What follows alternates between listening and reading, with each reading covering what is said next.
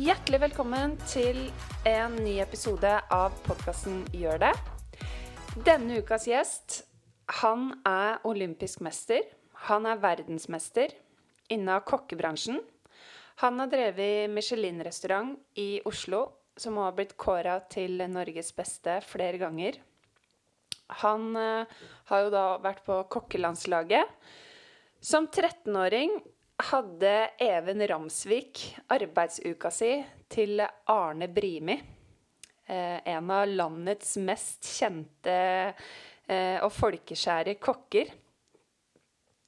Og eh, seinere år så har Even eh, drevet restaurantgruppa Java i Oslo.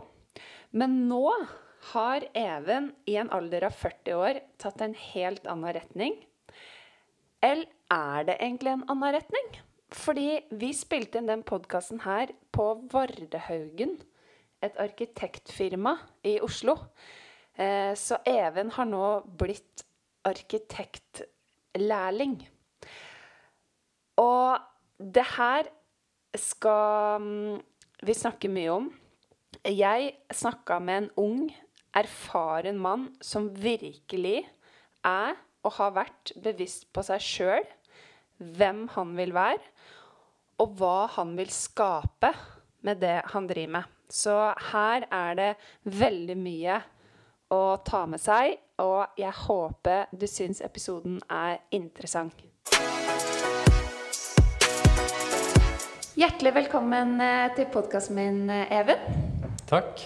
Det er eh, skikkelig mm, artig å være på kontoret ditt på eh, Var Vardhaugen. Vardhaugen, ja. Vardhaugen. Mm.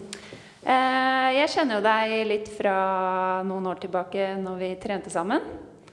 Det mm, Og jeg eh, ser jo på deg som en veldig ydmyk eh, person. Det tok ganske lang tid før jeg fant ut av eh, hva du faktisk dreiv med, og hva du faktisk har oppnådd.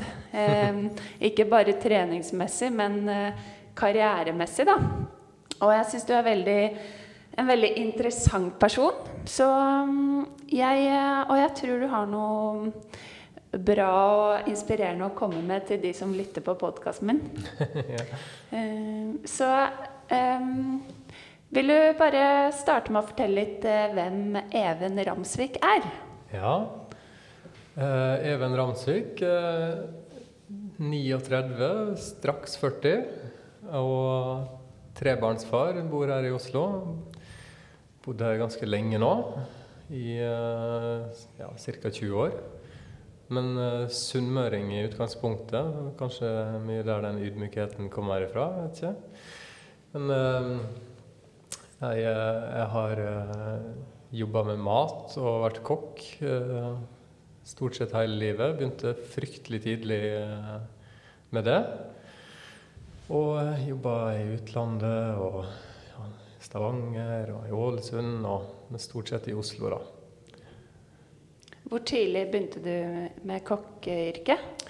Altså, jeg var jo en, eh, en, eh, en kar som hadde et ekstremt behov for å liksom eh, få ut tanker, ideer og liksom være kreativ og sånn. Så jeg var fryktelig glad i å tegne og lage og, og sånn da jeg var liten. Så jeg var ikke store karen når jeg så på TV at eh, det var litt sånn kokkekamp og eh, Ingrid Espelid og Gutta på tur og sånt. Og plutselig så ble jo det en en knagg å feste eh, den kreativiteten på, med noe så tilgjengelig som mat. Det var liksom ifra fra tegneblokka så var det liksom bare rett bort til kjøkkenet, så kunne man jo på en måte hente ut ingredienser og, og lage alt mulig rart, på en måte. Og det var jo kjempegøy, kjempeinteressant. Eh, Så jeg hadde jo ikke noe særlig sånn matinteresse, og jeg var i utgangspunktet egentlig ganske kresen. Men jeg syntes det var fantastisk gøy å liksom bare kreere og lage masse ting som eh, foreldrene mine aldri hadde sett på. De måtte jo smake på mye rart. Så det, det starta liksom der. Men da jeg har, jo, har det jo alltid hatt det litt med meg at jeg hvis jeg først liksom blir interessert i noe, da, så eh, sliter jeg litt med å holde meg moderat. Så det ble ganske altoppslukende. Så faren min skaffa meg jobb på det lokale cateringselskapet, så jeg jobba vel der ifra jeg var 12-13 år på helgene. Og så fikk jeg eh, sånn arbeidsuka når man gikk på ungdomsskolen. Fikk jeg være hos Arne Brimi. og så Alt det her var jo med å næra opp under den interessen, da. Så da, ja, da hadde jeg ett objektiv uh, fra tidlig av som jeg bare jobba målretta mot, egentlig. Så du, det du egentlig visste Du visste at du, du var kreativ, og så var det um, det du ble eksponert for på TV-en, som gjorde at du fikk den interessa for mat? Ja, det ble liksom en måte å være kreativ på. Mm. Eh, en disiplin, på en måte, som man kunne reindyrke og, og bli god på. Mm. Så eh, Og jeg så på det ganske sånn eh, Litt sånn konsekvent eh, på, på yrket òg, liksom. Ikke bare liksom hvordan man kunne gjøre komposisjon, eller hvordan man liksom kunne skape eller lage et eller annet litt sånn vilt og kreativt og fargefullt og, og, og, og fint, liksom. Men eh, jeg så på det også som liksom et fag og et yrke, og liksom skjønte at det her må man også eh, mestre. Her må man liksom eh, fordype seg i teori, i historie i, i, i, faget, i råvarene, i sammensetning, i smak. I, og etter hvert som man liksom begynner å, å, dyrke det igjen, så skjønner man jo at det, det går jo fasetter ut i alle mulige kanter. Uh, så da ble det liksom tidlig liksom et uh, objektiv å liksom kunne mestre og, og uh, lære seg så mye som mulig for å liksom igjen kunne ta den samla kunnskapen i å, i å liksom uh, få utløp i sin egen identitet. Da. Ja. Så her er du allerede veldig tidlig på den derre mestringsopplevelsen. Ja. Mestring og, og, liksom ganske sånn reflektert over hva som liksom kreves, da. Mm. Uh, hadde nok et veldig sånn analytisk uh, blikk på ting. Det handla liksom ikke bare om de basale tinga som smak eller komposisjon. Det handler veldig mye om identitet, om uh, persepsjon, om liksom uh, det å uh, vise seg sjøl og vise seg frem og liksom vise sin egen filosofi og identitet gjennom det mediet, da, som da var mat. Men var du allerede der i så ung alder? Altså, Det ble nok liksom forsterka eh, fortløpende, men det var i hvert fall veldig tidlig så så jeg liksom stor forskjell på hvem som eh, på en måte lagde eh, det klassiske, og hvem som liksom Så vi ble heller liksom dratt mot de som var litt sånn avantgarde, liksom. De som man så lagde noe som Oi, wow, det her har jo ingen sett før, liksom. Og da ble det noe i meg som trakk meg veldig fort mot det å og man har også lyst til å være noen som bryter ned noen mønster, bryter ned noen tradisjoner, viser noe helt nytt. Noe som kan eh, man kan sette navnet og identiteten sin på. Mm. Eh, mer enn bare det å mestre eh, et fag, liksom. Eh, om det er den franske skolen eller hvilken skole det er, så vil jo det bestå i å, å gjenskape noe andre har skapt, noe tradisjonelt. Og så kan man jo på en måte få den teknikken og det håndverket i, i fingerspissen. Det vil man jo også beherske. Men uh, det å kunne være noen som uh, lager en helt egen stilart og liksom noe helt eget, det, det var uh, det, liksom det optimale målet, liksom. Har du en konkret episode hvor du gjorde noe sånn for første gang? Hvor du liksom skapte noe uh, til fingerspissene? Nei, altså um, et håndverk er jo eh, der som alt mulig annet. krever jo liksom terping og trening og øving. Så eh, med erfaring så ble jo det er selvfølgelig eh, bedre underveis. Men om jeg har et eksempel, jeg er litt sånn usikker på. Man har liksom skapt mye opp igjennom, men det var vel først uh, når jeg var på Pallas Grill, tror jeg, at jeg liksom uh, først fikk anledninga til å lage min egen mat. Og Pallas Grill i Oslo. Pallas en av de beste restaurantene i Oslo. Ja. Mm. Og Pallas Grill er det, jo det, har jo vært et litt sånn arnested for uh, kokker i, i, mange, mange år. For det er jo på en måte et sted hvor du, du hengir deg til til kokkene, liksom. Det var et sted hvor det ikke var en fast meny. Det var en stor meny, niretters meny som forandra seg hver eneste dag. Og man var kun to på jobb, så du sto jo og lagde alt sjøl fra bunnen av. Du skrev menyen på morgenen, og så Oi. forberedte du, og så leverte du ut på kvelden.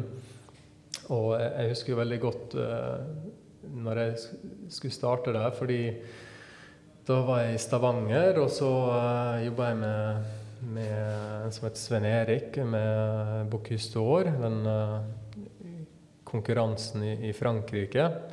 Så jeg med liksom hjalp han med det. Og da var Eivind Hellstrøm uh, ganske masse over der og hjalp til. da. Han var smakt på maten og kom med liksom god innspill, litt sånn mentor i den prosessen. Og uh, da, på det tidspunktet, så trengte jo han kjøkkensjef til Bagatell i Oslo. Eh, og jeg var jo pur ung. Hvor gammel var du da? Da tror jeg jeg var sånn 24. 24. Ja. Og eh, da måtte jeg si til han at jeg, jeg måtte jeg takke nei til den, fordi jeg heller ville jobbe på Pallas Grill. Ja. Aleine som kokk. og det tror jeg egentlig forklarer veldig mye om hva jeg tenkte eh, som måtte til. Fordi eh, og karrieremessig så hadde det vært helt fantastisk. Og de mulighetene han kunne gitt meg med å, å være og ha en så eh, prestisjestilling på det som var Norges utvilsomt beste restaurant. Eh, mens Pallas Grill, som var en litt sånn rockekokkebule, eh, var det jeg skjønte var det jeg trengte. Fordi der kom jeg til å ikke lage Eivind Hellstrøm sin mat og levere den perfekt ut hver eneste dag, eh, som hadde vært helt fantastisk. Jeg hadde et annet behov. Jeg trengte å dyrke meg sjøl og mine egne ideer og min egen stilart. Så det var jo der jeg, jeg liksom først fikk anledning til å virkelig dyrke mine, mine egne ideer og, og finne min egen uh, stil, da. Ja, så Du takka rett og slett nei til å få jobbe med eh, veldig store navn i matbransjen. Ja. Til fordel for å eh, jobbe på et sted hvor du kunne skape ditt eget, eh, være kreativ eh, Som ikke var så kjent.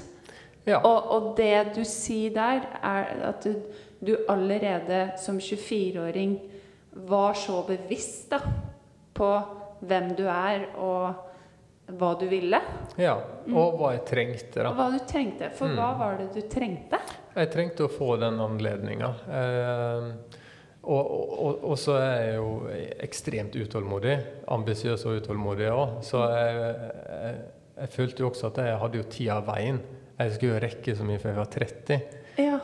så, så, hvis jeg også skulle rekke å, å skape meg et, et, navn og en identitet og, og, og en profil, så, så, så, måtte jeg liksom sette i gang. Jeg måtte sette mitt navn litt sånn på kartet, liksom. Ja. Eh, da, da, da, kunne jeg heller, da kunne ikke unne meg de åra uh, på Bagatell i skyggen av noen andre. Nei, ikke sant? For du ville gjøre jobben sjæl. Ja. ja. Mm. Men um, har du alltid hatt klare mål? Du snakker veldig som at du har hatt et veldig klart mål. Ja. Og så er det jo um, alltid liksom Men så starter det jo alltid et sted. Så, så, veien er jo aldri helt sånn krystallklar heller. Så for etter hvert man fordyper seg og, og liksom setter i gang jobben, så vil jo på en måte ting krystallisere seg underveis også. Uh, både på å se hva man har av mangler, eh, men også se hvordan man liksom strategisk kommer, kommer seg til målet. Og så jeg har jo alltid liksom vært eh, Eh, hatt en, sånn, en drivkraft i, i det ambisiøse. da. Uh, og da blir jo alltid liksom målestokken det stort sett mye av det etablerte. da. Det man kan se andre har lykkes med, eller liksom hvor det har ført deg, eller hvilken type ja, anerkjennelse eller, eh, eller lignende. Så, men, men veien til målet vil jo alltid liksom eh, stoppe og, og reflektere litt over og gjøre litt sånne små kursendringer og, og sånt underveis, da. Men jeg har jo alltid hatt lyst til å bli så, så god som jeg kan få blitt, da. Mm. Reflektere, eh, bevissthet, stoppe litt opp. Det er jo 'gjør det ånd'. Ja. ja. Um, Og hva er det du har oppnådd i kokkeyrket? Så nå må du bare skryte. Fyre løs her. ja. ja, det er ikke jeg så glad i, da. Nei, det veit jeg.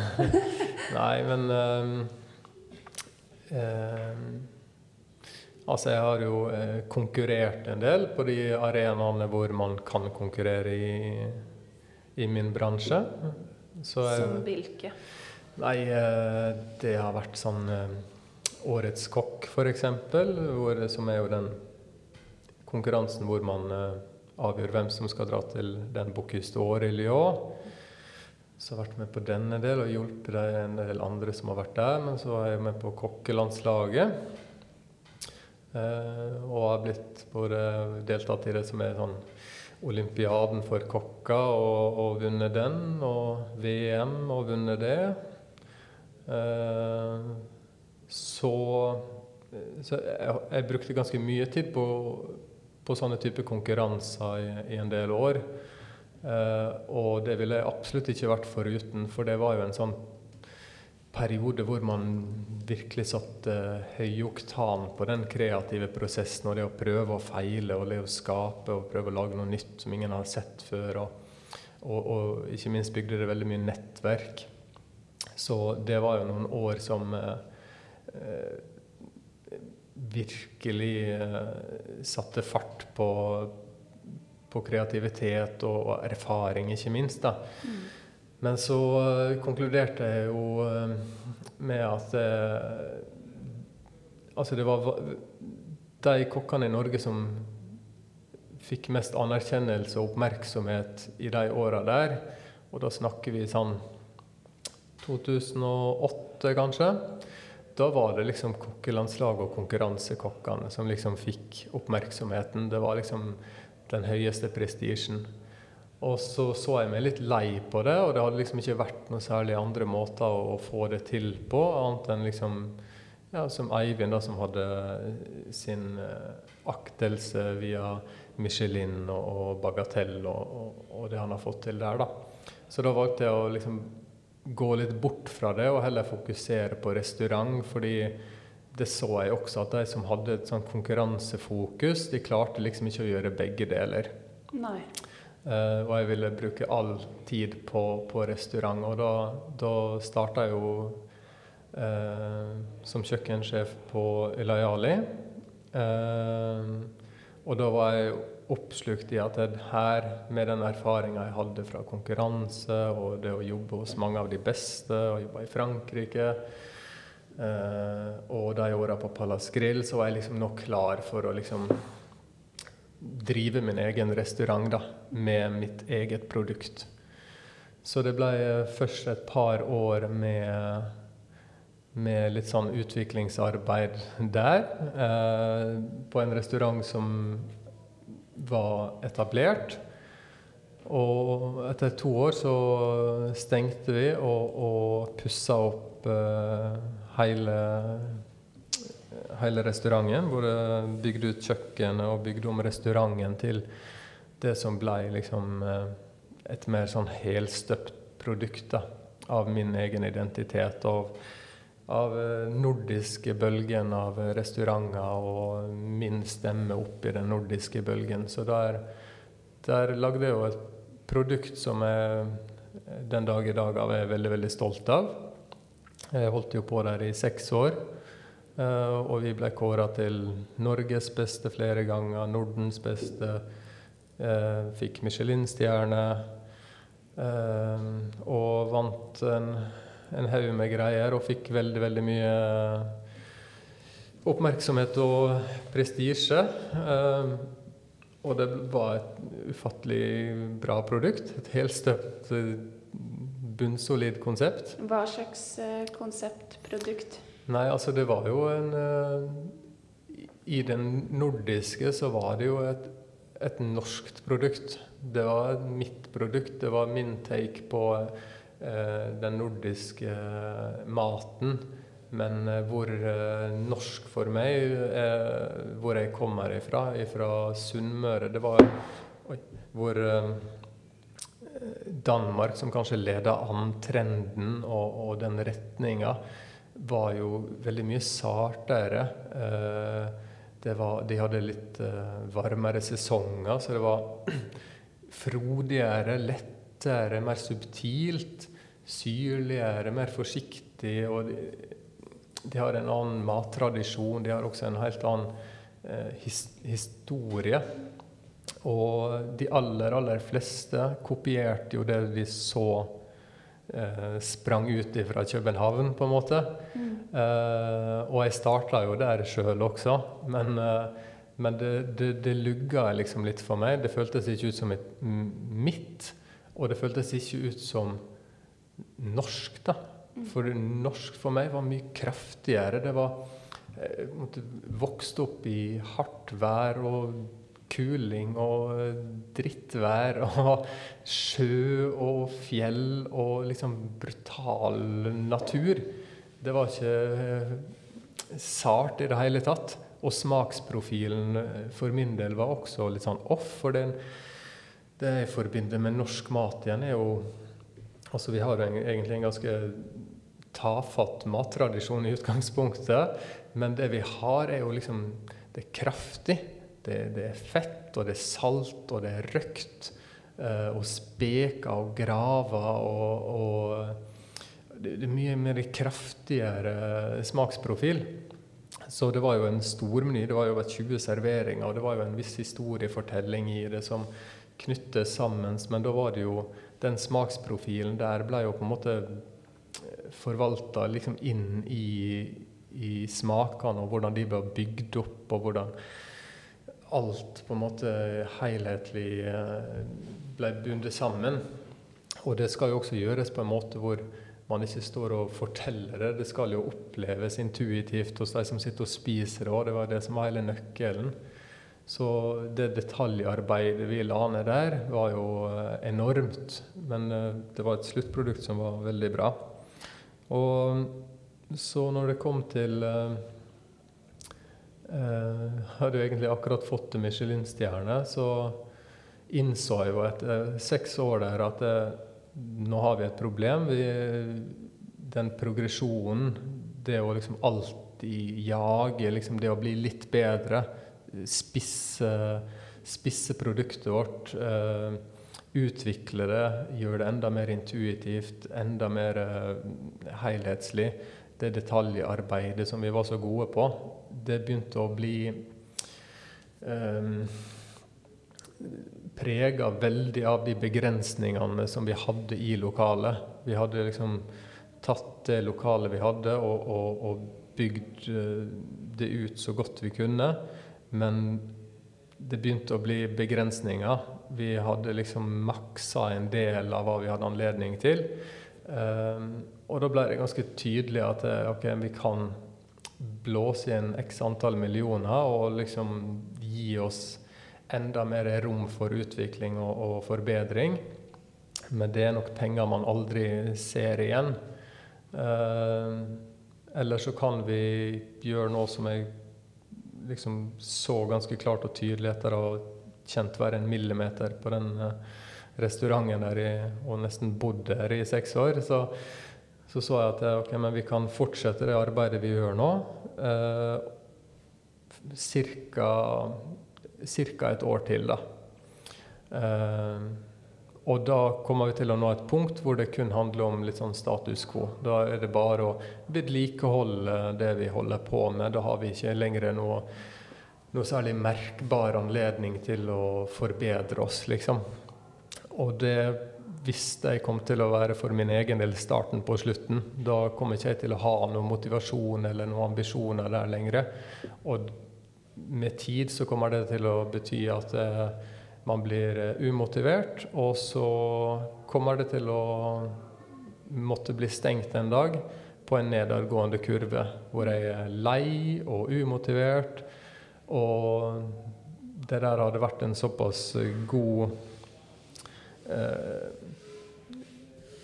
tid i livet mitt som jeg ikke ville stenge på sånne type vilkår. Jeg ville stenge når vi var på topp. Mm. Så da så vi en dato, og så jobba vi for den. Mm. Målretta for at jeg, med, med ett objektiv om at jeg, den dagen skal være den siste. Det skal også være vår definitivt beste. Og jeg skal vite med meg sjøl at jeg, kunne ikke gjort så noe særlig mer, liksom. At jeg kan stenge den døra, stenge restauranten og legge det bak meg med en god følelse, liksom. Ikke sant. Så her har du satt en deadline. Du kan satt et klart mål. Du har vært bevisst hele veien på å gjøre ditt beste til den siste dagen. Mm. Og jeg syns jo det oppsummerer Eller for å oppsummere litt, da, så Jeg spør jo alltid 'beskriv deg sjøl med tre ord'. Mm. Eh, det har vi ikke kommet til ennå. men hvis jeg kan oppsummere sånn, så får du si hvis det er feil, men kreativ. Ja. Ambisiøs. Ja. Ydmyk. Ja. ja. ja. Og kreativ, ambisiøs. Um, og en sånn rød tråd som jeg hører når du prater nå, at du har fra dag én vært så ekstremt bevisst på å ha med deg sjøl. Mm. Du vil skape noe um, i, med deg sjøl. Ja. Og det det er jo klart da at når du da merker hvor mye du opp, Eller når du har oppnådd alt det du har, og, og blir mett da, og ikke får mu, ha muligheten av ytre faktorer da, til å um, skape noe eget lenger, så er det jo ikke rart at motivasjonen ja. daler. Ja, jeg kjente jo meg sjøl såpass godt å vite at eh, når det der blir tatt bort, så mm. kommer det til å være starten på slutten. Da mm da, så det, det, det, var liksom ikke noe vits. Det, jeg tror det var, det var, fryktelig mange som skjønte absolutt ingenting av at det, hvorfor i all verden skal du stenge en sånn braksuksess. Mm. Vi hadde jo eh, Ventelister var jo megalange, så bare det å få et bord der var jo supervanskelig. Man måtte jo være tre måneder i, i, forveien. Uh, vi hadde jo så mange som sånn ja, noen og 80 bord på venteliste så det var jo det var helt sjukt. Um, men eh, det var på en måte Ja. Det var ikke der motivasjonen lå, og den var så avhengig av det for å fungere. Uh, å levere den kvaliteten, så var den avhengig av det. Mm. Ja, og bare sånn, jeg ser jo, Nå ser jo ikke lytteren oss nå, men eh, når du prater og har pratet om den derre nordiske, kraftige, smaksfulle feitekosten altså er, Det er så mye bruk av Hva heter det? Gestikulering. Jeg syns det er helt fantastisk. Så eh, kreativt og håndverk, det er helt åpenbart at du eh, har med deg. Hvilke år stengte du den? Det var eh, 2015. 2015, ikke sant? Desember 2015. Ja, og du blir nå 40 år straks. Ja. Så du er fortsatt eh, veldig ung, da. Det høres ut som du er 50-60. um, og så Du er jo fortsatt er litt i restaurantbransjen etter det her? Ja, da er nok noen år til etter det. Fordi uh, et, etter Ulayali så blir jeg jo veldig usikker på hva jeg skal gjøre. Altså, jeg har jo drevet en sånn type high-end-restaurant da i en årrekke. Jeg har jobba med sånne type restauranter før også, og det er stort sett det jeg har gjort. Du har vært toppidrettsutøver i restaurantbransjen. ja, kanskje. Ja. Så, men, eh, så da var jeg også litt eh, lei. Eh, men jeg var også Jeg var heller ikke liksom motivert for å starte en sånn prosess på ny. I så fall så må det være i en så ko-ko skala at det at det blir noe helt, helt sjukt nå. Og det skal sies at jeg prøvde på å få noe bygd opp i Nordmarka og uh, med helt ville summer, liksom. Så jeg, gjorde, jeg gjorde et ærlig forsøk, men uh, det, det, ble ikke noe av. Men uh, da, da, tenkte jeg som så at nå har jeg lyst til å forvalte den mye av den samme verdiene som jeg har hatt når jeg egentlig har hatt kun én restaurant. og og, og, og, bruke den kreativiteten og den fagkunnskapen liksom ut i ett produkt. Og heller liksom isolere litt eh, eh, den måten å tenke på, den måten å jobbe på, men ut i en, i en annen skala. Og da ble det at vi starta Lava Oslo. Eh, sammen med noen kollegaer som også var kokker. Det var et veldig bra tid og sted i Oslo. Det var veldig mye som hadde skjedd. Folk hadde blitt veldig sånn oppmerksomme på hva spiser vi, hvor kommer ting fra. Eh, det skal ikke så veldig mange år tilbake enn før restaurantene i Oslo var jo forbeholdt jubileumsmiddager, eh, eller bryllupsdager kanskje, for eh, privatmennesker. Og ellers så var det kanskje businessgjester med, med firmakort.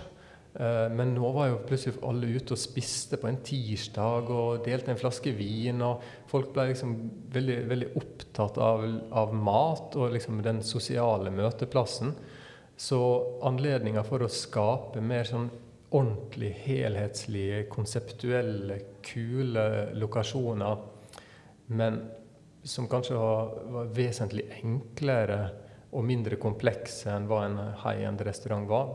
Den verden åpna seg litt opp, og det var velvilje blant eh, klientell og, og gjestegrunnlaget, men det var velvilje hos eh, eiendomsutviklerne, som også plutselig så verdien i av betydninga av å ha liksom, en destinasjon i første etasjen. da. Eh, hvilken verdi det tilførte resten av massen av, av eh, boliger, liksom, med å ha en kult serveringskonsept i første etasje, eller bygulvet generelt. da. Så vi slo oss sammen, og istedenfor å skape retter og komponere menyer og eh, atmosfærene og, og, og liksom detaljnivået i en high-end-restaurant, så begynte jeg å, å skape bedrifter. Ja. Lage forskjellige konsept og jobbe mye mer med konseptutvikling. Eh, skape arbeidsplasser lage kultur, lage Gå og, og skape en, et merkevare eh, fra tomme rom til liksom hva det skulle bli når det står ferdig. Ikke bare liksom produktet, men eh, profilen, atmosfæren, paletten, interiøret, eh, lyssettinga, musikken. Eh, alle de der virkemidler som jeg visste eh, fra å liksom ha jobba med detaljnivå på hvordan folk reagerer på en rett, altså persepsjon til uh, om det er høyt eller lavt under taket, om det, det liksom danner seg litt kø ved et eller annet som også er med å skape noe stemning. Uh, generelt skape gode bedrifter, da. Og der var vi veldig effektive uh, og jobba på. Og på fem år så lagde jeg vel 15 restauranter da, og et kantineselskap med seks-sju avdelinger. Så det ble jo et, eh, et, stort selskap etter hvert. Og rett før pandemien traff, så hadde vi vel eh, tett på 300 ansatte.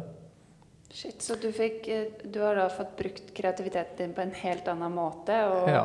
retta deg mer mot mennesker og, Ja. og eksteriør, eller liksom det Ja, eksteriørt og interiørt, og liksom Ja. hvordan alle de eh, faktorene er med å spille eh, produktet opp, da. Men er har du alltid Har du alltid Har du da òg med deg sjøl? Ja, alltid. Alltid. Ja. Mm. Eh, jeg har eh, Mye av drivkraften min har nok alltid vært ganske sånn egoistisk. Mm. Den, den handler om, uh, om eh, egne mål og ambisjoner og anerkjennelse og alt det der som de fleste i verden trenger, liksom. Mm. Men eh, ikke bare er det ting man ønsker å oppnå liksom, i form av liksom, suksess eller eh, portefølje, men eh, jeg, har jo alltid brukt meg sjøl som på en måte eh, en slags profil som jeg tenker Hvem lager jeg det her for? Altså, Én ting er er jeg fornøyd sjøl? Hadde jeg vært fornøyd sjøl? Hva hadde jeg ville tenkt på hvis jeg gikk inn her? Uh, hvordan reagerer jeg? Så ettersom jeg sjøl er veldig sånn reflektert over ting, så har jeg på en måte kunnet hatt anledning til å analysere det og så bruke det som et verktøy. Mm. Men for i så grad liksom skape ting som for de aller fleste kanskje eh, vil kanskje ikke legge merke til det. Eh, hvis du forteller det, så vil de si 'Å ja, shit, ja, stemmer det. Ja, det var jo veldig fint. Den forsterka jo det.' Og bare det at vi satt her, og hvordan det liksom opplevdes sånn, ble jo helt sånn magisk. Men jeg har jo vært veldig var på det, og bare skapt det litt til med vilje. For jeg vet at de tinga forsterker hverandre, eller Så, så det, ja, det, det er litt sånn vanskelig å sette ord på, men eh, det, med erfaring og, og liksom en litt sånn Hvis man analyserer det, så, så er det en del sånne virkemidler man kan, kan hente ut. Mm. Jeg oppfatter jo deg som en egoistisk, ydmyk type med veldig, veldig klare mål. Og, og skal du oppnå ting, så må du jo da må du være i deg sjøl. Og vi får jo ikke gjort noe annet enn med oss sjøl. Og du, jeg har jo inntrykk av at du har lyst til å skape noe for veldig mange andre. Ja. Men du får jo ikke gjort noe med Du må jo um, For å ha det bra, så må du jo uh, ha fokus på det du sjøl vil, og satse på at eh, det ja så går i ettersom god jord til som jeg har vært så streng med meg sjøl òg, da. Eh, på, på hva man skal gjøre, og for at ting skal være godt nok, så har jeg på en måte brukt meg sjøl også litt som eh, mal òg, da. Slik at hvis jeg er fornøyd, så, så er andre det også, på en måte. Mm, ja. Jeg tror det er et fint eh, jeg tror det er et fint sted å starte. Ja. For dette, det er jo sånn, Vi har jo snakka om det med tilbakemeldinger og det med å høre. Vi er jo ikke så gode til å gi feedback og si ting. så det er jo bare, Og det høres ut som for meg at du har, har stått og står veldig trygt i deg sjøl fra kjempeung alder, som er helt eh, eh, unikt. Men du er bevisst, og du har alltid vært reflektert. Eh, vi må bare hoppe fordi at jeg hopper kjapt videre, fordi eh, tida går fort her. Ja. Em,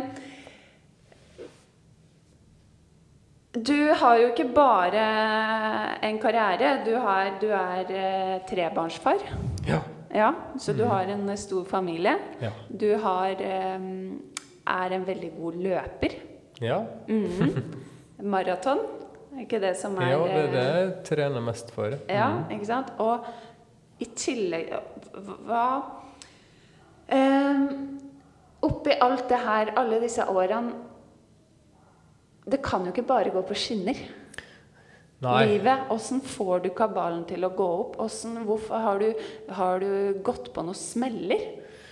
Du har jo Ja. snakka om å prøve og feile mye. Ja, ja nei, det har vært veldig masse av det, altså. um, men um, og, og spesielt med løping også. Uh, jeg begynte jo å løpe ganske seint. Ehm, men også i en periode hvor jeg trengte det kanskje som mest. Hvorfor det? Oh, nei. Nei, altså jeg visste nok ikke helt hvor mye jeg trengte det. eh, Men jeg var ekstremt sliten og, og pandemi og sånt kom eh, raskt også. Og sto i ganske mye utfordrende ting. Og eh, I jobbsammenheng? Ja. Mm. Og, og da var det jo eh, klart, Når man har så mange bedrifter, så mange ansatte, det, det blir jo alltid en konflikt her og der. og det, det er mye tunge ting å, å ha så mye ansvar. Uh, og mange bedrifter, og de skal driftes og drives. Og, og, så det er liksom ikke bare å åpne. Da, da har man liksom ikke jobben begynt engang. Så, så summen av alt var jo at jeg merka ganske fort og effekten av uh, trening, og hvor avhengig jeg av den i, i pandemi, eh, det var jo eh, helt forferdelig for oss. Eh, vi valgte jo å ikke permittere, eller i hvert fall permittere så ytterst få som mulig, og, og heller liksom prøve å bruke det muligheten for å holde åpent uh, i, i, den grad vi kunne, uh, med å skape alternative inntektskilder, gjøre om på bedriftene, endre oss underveis. Men det er klart, det måtte vi jo gjøre på ny uh, annenhver uke med en ny pressekonferanse og nye bestemmelser. Mm. Så det ble jo fullstendig utmattende. Uh, med den usikkerheten å ikke vite hvor lenge skal det vare, hva blir effekten av det, må jeg selge leilighet og hus og mm. Ja, så ikke sant, Bare i forhold til når du snakker om Palass Grill, da, mm. hvor du hver dag skulle finne på en ny meny, ja. men du, visst, du hadde kanskje en en helt annen kontroll da? Ja, enn du hadde i pandemien, hvor du da ikke hadde kontroll på noen ting? Ja, og så var det jo lystbetont før. Når skape, nå måtte man jo liksom gjøre det liksom for en slags kamp for å overleve. Mm. Eh, og ikke bare komme opp med det, men du skal også motivere og engasjere eh, masse ansatte til å også orke å stå i det. Eh, så eh, løping da ble jo 100 eh, eh, avgjørende for å i det hele tatt orke å klare å stå i det. Og jeg visste mot slutten av dagen når jeg var på vei hjem, så kunne det være så mørkt i hodet. Og, men jeg visste jo i hvert fall at jeg, jeg, jeg skal ikke ta det med meg hjem og være en dårlig versjon av meg sjøl i så stor grad, for jeg visste at jeg var bare en løpetur unna å få overskudd og litt perspektiv tilbake igjen. da. Så du rett og slett, når du er skikkelig sliten og har det skikkelig dritt, for å bruke det ordet, mm. så velger du rett og slett å bruke kroppen din fysisk?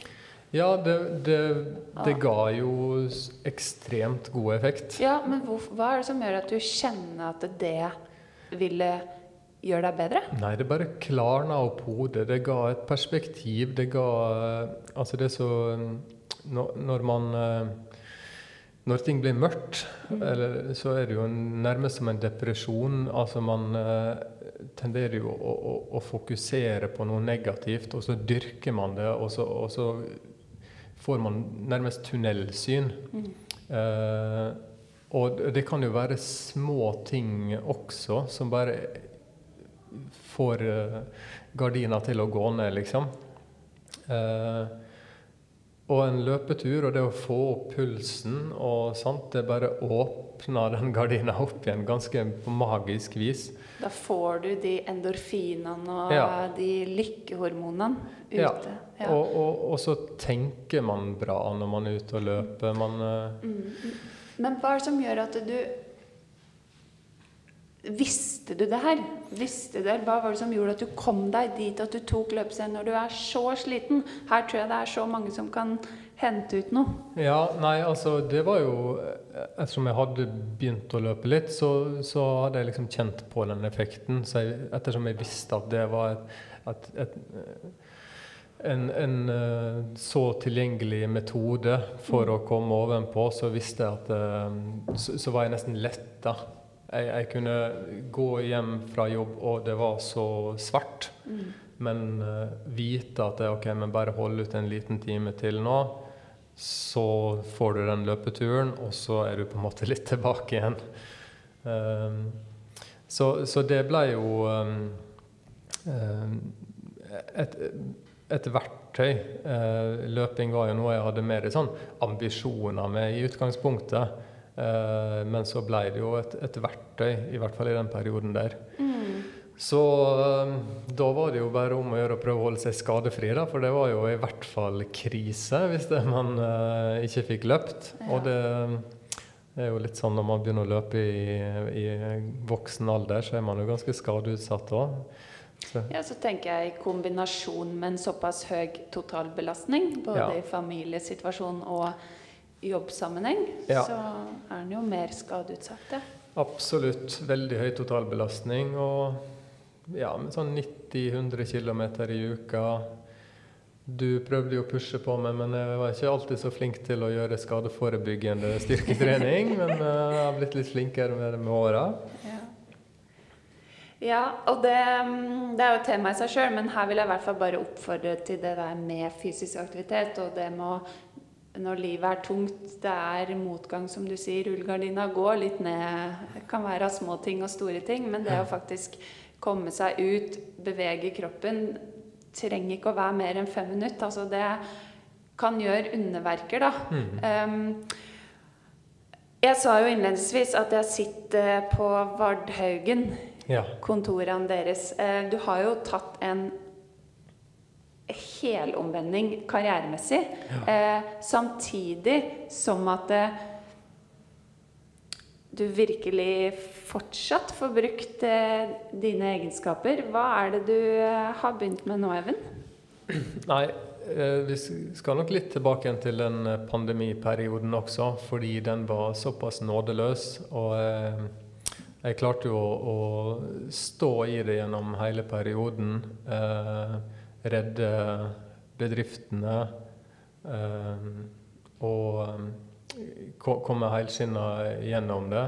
Men jeg ble sjukmeldt eh, på slutten, når det på en måte åpna opp igjen og man liksom fikk starta opp alle bedriftene igjen. Da kom smellen, liksom. Da ble det en smell? Ja, da trengte jeg noen måneder på å på å komme litt ovenpå igjen. Mm. Det er litt godt å høre at du òg er menneskelig, ja.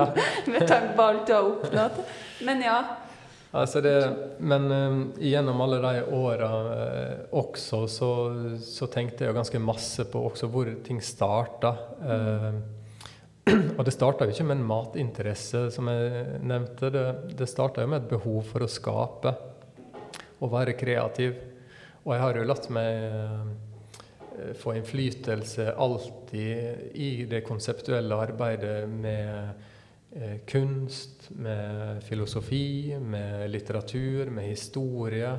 Eh, alle andre typer virkemiddel og, og, og inntrykk som eh, mennesket opplever, og som kan være med å skape noe helhetlig, har jeg alltid vært veldig opptatt av. Og arkitektur har jeg alltid vært fryktelig opptatt av. Og jeg har eh, veldig ofte i mørketid tenkt når jeg har vært skikkelig lei, at jeg tenkte åh, det har jeg alltid villet. Det er fantastisk å, å, å kunne få, få, dyrke den eh, interessen. Og den har liksom aldri helt sluppet taket, så samtidig så starta jeg jo i pandemi samtidig med å stå i alt annet og egentlig forberede eh, meg på å, å kanskje en dag kunne få bli arkitekt. Så jeg brukte jo nettverket mitt og prata med ganske mange på liksom hvordan jeg kunne få det der til. Jeg begynte å lære meg liksom teknisk tegning og sånt, som var jo også et, et uh, hjelpemiddel jeg kunne bruke på jobben min med å lage rom og lage restauranter. Og, og, hvor jeg har prosjektert og, og, og, gjort sånt i mange år allerede. Men uh, så solgte vi eh, restaurantgruppa vår i fjor sommer. Og som ga meg anledning til å gjennomføre den planen. Eh, da tok jeg steget og, og har begynt å jobbe hos et arkitektkontor, hvor jeg nå kan sånn sett gå inn med liksom den, det som motiverer meg, og liksom den samme ambisjonen som jeg hadde med når jeg var kokk, den forståelsen og respekten for å eh, ville lære, ta inn over seg alt i håndverket, i, i teorien, i, i, det, i faget eh, med et ønske om å liksom få en, en, en sånn bunnsolid eh, eh, erfaring og, og, kunnskap som gjør at det man der også kan få lov til å skape og kreere og lage noe som har ens egen identitet. Eh, det er på en måte målet. Eh, men bare det å, å, å jobbe i et kreativt miljø med noe helt annet eh, er, helt fantastisk. Men det handler jo liksom om å forvalte mye av de samme egenskapene man har hatt, men ut i en annen skala. Men med en viss ydmykhet for, uh, for det faglige, da. Um, mm. Shit, har det vært skummelt? Det har vært superskummelt. Og det er jo en sånn uh, Frykt for å bli gjennomskua har jeg jo alltid hatt. En sånn motivator, for, spesielt når man har veldig sånn strenge krav til seg sjøl på liksom hva som er godt nok. Mm. Uh, men spesielt her, når man på en måte kommer helt sånn utenifra og, og inn i en helt ny bransje. Kan du være raus med deg sjøl òg, i og med at du gjør noe nytt? Uh, ja, Eller er det knallhardt hele tida? Jeg er dessverre litt for knallhard. Mm. Jeg skulle fryktelig gjerne likt å gitt meg sjøl litt mer eh, pusterom. Mm. Og kanskje klappa seg sjøl på skuldra litt og ja, tatt litt til takke. Eller kanskje sakka ned tempoet litt, eller Har du noen som gjør det for deg? Til deg? Ja, jeg har jo ei kone som uh, prøver så godt hun kan, i hvert fall. Mm. Uh, og er flink til å gi litt perspektiv og, og, og sånn. Men, uh, men jeg blir også veldig drevet av den effekten også. Mm. Det, det, gir veldig mye bensin.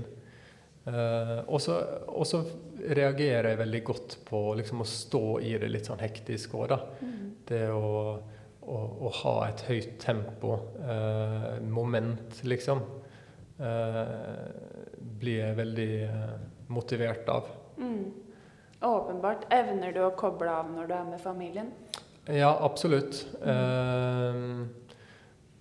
Det har jeg jo måttet trent på. Mm. men jeg har blitt veldig god på det, og etter hvert så er det ikke vits i å trene heller. Med tre barn så, så er det Eh, ikke så mye anledning til å gjøre noe annet enn å være, være til stede. Ja. det, det, det, er Men det er mye, trening, det òg? Når du har så mye Ja, absolutt. Mm. Men um, det er litt interessant å utfordre deg litt på det i forhold til når du alltid har vært så reflektert og bevisst, da. Og opptatt av um, karriere og få til noe eget. Om det å faktisk stoppe opp litt på den fronten og eh, se litt på hva du faktisk ja. får til, og den derre trene på den rausheten òg, da. Jeg tenker eh, noe som eh, jeg, jeg først, først uh, erfarte når, etter jeg fikk uh, Michelin-stjerne, var at jeg plutselig ble liksom, invitert til å være foredragsholder. Ja. Og hvis jeg liksom skulle gi noen andre et råd, eh, som har det behovet for å liksom, stoppe eller reflektere, og, og, og kan synes det er like vanskelig som meg sjøl, kanskje. Mm. Så om man ikke blir invitert til å holde et foredrag, så bare lag et. For det var veldig hjelpsomt for min del. Ja, lage et eget foredrag ja. uten å skulle nærmest holde det? Og fortelle historia di, liksom. Ja. For det var utrolig eh, virkningsfullt for min del. For jeg hadde aldri liksom stoppa opp, sett tilbake Eh, så ikke, ikke, bare var det hjelpsomt for å lære å forstå seg sjøl, eh, reflektere litt og, og, og, kanskje se litt sånn strategisk på eh, ja, både bak i tid, men også litt fremover i tid. Men, men, det var en helt sånn fantastisk måte å også bare plutselig stoppe litt opp, få det litt sånn skrevet ned, øve litt på noen ord, og så plutselig bare litt sånn Oi, jeg har jo faktisk kanskje fått til litt, da. ja, shit. Ehm, så det, det, var, det, var, veldig nyttig. Er det ditt gjør det-råd? Ja. ja. ja. Lag, et, uh, lag, et, foredrag. ja, Foredrag, og, og, ja, og vi veit jo effekten av å skrive. Ja. Om det er foredrag, men skrive i en bok, skrive ned, Mm. reflektere litt. Hvem er jeg? Hva vil jeg? Hvem ønsker jeg å være? Hvem vil jeg være? Um, hva har jeg oppnådd? Ja. og hva betydde de forskjellige liksom Hva betydde? eh, De viktige tid og sted i, i livet, hva, hva gjorde de med deg? Hva, hva førte de til? Hva lærte du av det? Mm. Eh, Det er veldig, veldig nyttig. Da er vi inne på evaluering, Mm. som er viktig. Det er eh, Her er det mye å plukke opp. Hvis jeg skal oppsummere, så tror jeg bare det med at eh, En ting er alt du har gjort, valgene du har tatt, men den røde tråden her, og fortsatt den røde tråden, du har med deg sjøl. Du har kanskje mista deg sjøl litt på veien, eh, men det må jo òg litt til. Ja. Eh, Du, du har dine mål, men du har òg oppfattet deg som en person som har vært veldig opptatt av å bygge relasjoner. Snakke med folk, møte folk. Mm. Eh, og det gagner jo deg veldig nå, da. Ja. Eh, hva er målet nå? Nei, nå er målet å ehm, Altså, jeg er jo veldig heldig med å ha den posisjonen jeg er i dag, som gjør at jeg også får anledninger til å, til å jobbe som arkitekt. Uh, uten studie, men med å bruke den erfaringa og, og den eh, kunnskapen som jeg har, uh, hvor jeg har brukt den kreativiteten og den skapende krafta og, og uh, ut, ut i en annen skala. Men, eh, eh, men her får jeg også anledninga til å ha en veldig god balanse, ettersom vi, vi ønsker jo også å ta det kontoret her og jobbe sammen med å jobbe mot næringslivet, mot eh, destinasjonsutvikling. Med å eh, skaffe oss prosjekter og lage prosjekter hvor eh, natur, arkitektur, mat, lokal eh, håndverk, tradisjoner, historie Alt skal være med å spille hverandre opp til liksom, et eller annet fantastisk sluttprodukt. Og det er jo noe jeg har veldig mye erfaring med. Så jeg får en veldig god hverdag hvor jeg kan på en kombinere seniorkunnskapene mine på hva jeg har gjort veldig mye, men også få lov til å være liksom den ydmyke junioren som fortsatt har veldig mye å lære. Og det elsker jeg. Jeg kan hver dag gå hjem og være helt sånn sprengt i hodet av at jeg har måttet sugd til meg så mye nytt. Men det gir meg så utfattelig mye energi. Så fortsette den eh, det løpet som jeg har nå, fordype meg, vite at jeg lærer, vite at jeg, at jeg suger til meg, og, og at jeg samtidig liksom mestrer det, klarer å skape, få ut mine egne tanker og ideer ut i et eller annet helstøpt. Og sånn sett så vil jeg egentlig bare se at jeg blir så god som overhodet mulig. Jeg ønsker å jobbe til jeg kjempegammel, eh, men da har jeg lyst til å gjøre det med et eller annet som gir meg noe, som gir meg energi. Eh, og det er 100% overbevist om at det, den retninga og det sporet jeg er på vei på nå, det kommer til å gi meg den eh, kvaliteten og de verdiene. Helt nydelig. Det blir spennende å følge med videre. Det er ja, som sagt mye inspirerende å ta med seg her. Så um, tusen takk for at du eh, deler, Even. Siste spørsmål. Eh, løper du fortsatt? Ja. Ja.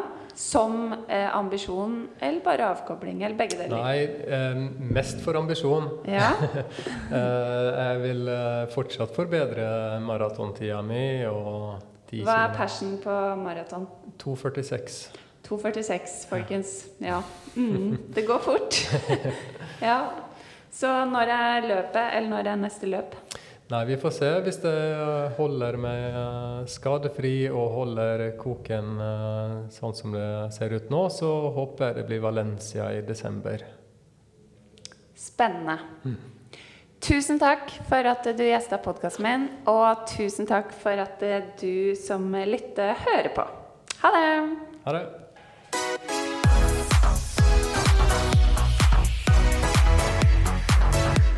Denne podkasten er produsert av meg, Barbro Sæta, og Daniel Kragseth fra Adler.